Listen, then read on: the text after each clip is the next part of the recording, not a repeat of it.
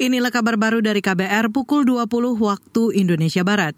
Saya Aika. Kementerian Ketenagakerjaan menegaskan tidak akan mencabut Peraturan Menteri Nomor 5 Tahun 2023. Peraturan itu tentang penyesuaian waktu kerja dan pengupahan pada perusahaan industri padat karya tertentu berorientasi ekspor yang terdampak perubahan ekonomi global.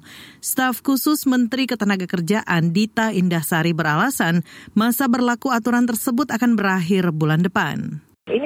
Hanya untuk enam bulan sampai September tahun bulan depan juga selesai. Ya, ini bulan depan juga selesai. Jadi kita juga nggak lama-lama waktunya, sektornya juga terbatas. Dan kita anggap dalam enam bulan ini mudah-mudahan krisis global itu di dalam negeri sudah manajeble ya, sehingga memang tidak perlu ada efisiensi usaha.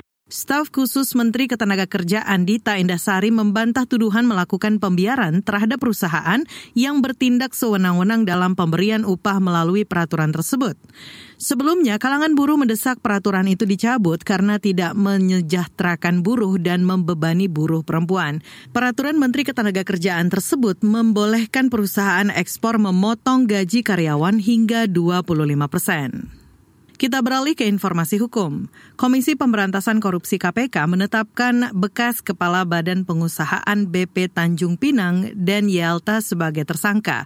Direktur Penyidikan KPK Asep Guntur mengatakan, Dan Yelta diduga terlibat kasus dugaan korupsi pengaturan barang kena cukai di kawasan perdagangan bebas dan pelabuhan bebas Bintan wilayah kota Tanjung Pinang, Provinsi Kepulauan Riau.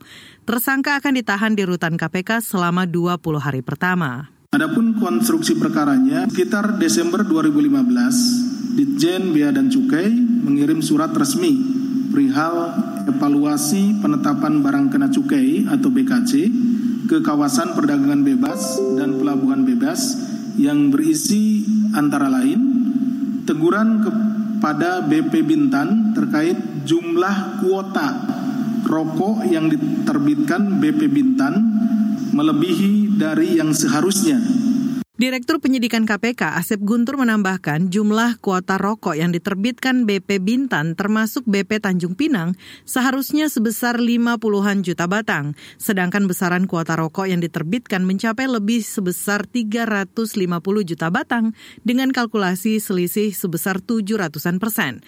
Akibatnya kebijakan itu menguntungkan berbagai perusahaan pabrik dan distributor rokok yang seharusnya membayarkan cukai dan pajak atas kelebihan jumlah rokok. Kasus ini diperkirakan merugikan keuangan negara hingga 250 miliar rupiah lebih. Kita ke mancanegara.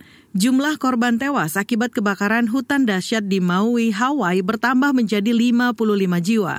Ini menjadi salah satu bencana paling mematikan dalam sejarah negara bagian Amerika Serikat tersebut. Kebakaran hutan dipicu angin kencang yang mengakibatkan api bergerak sangat cepat sehingga banyak orang yang melompat ke laut dalam upaya putus asa menyelamatkan diri. Sementara itu Kementerian Luar Negeri RI memastikan tidak ada informasi adanya WNI yang menjadi korban.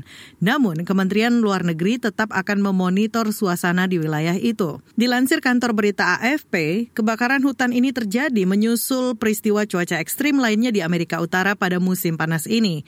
Saat ini, saudara, masih terjadi kebakaran hutan di Kanada dan gelombang panas di Amerika Serikat Barat Daya. Inilah kabar baru dari KBR pukul 20 waktu Indonesia Barat. Saya Aika.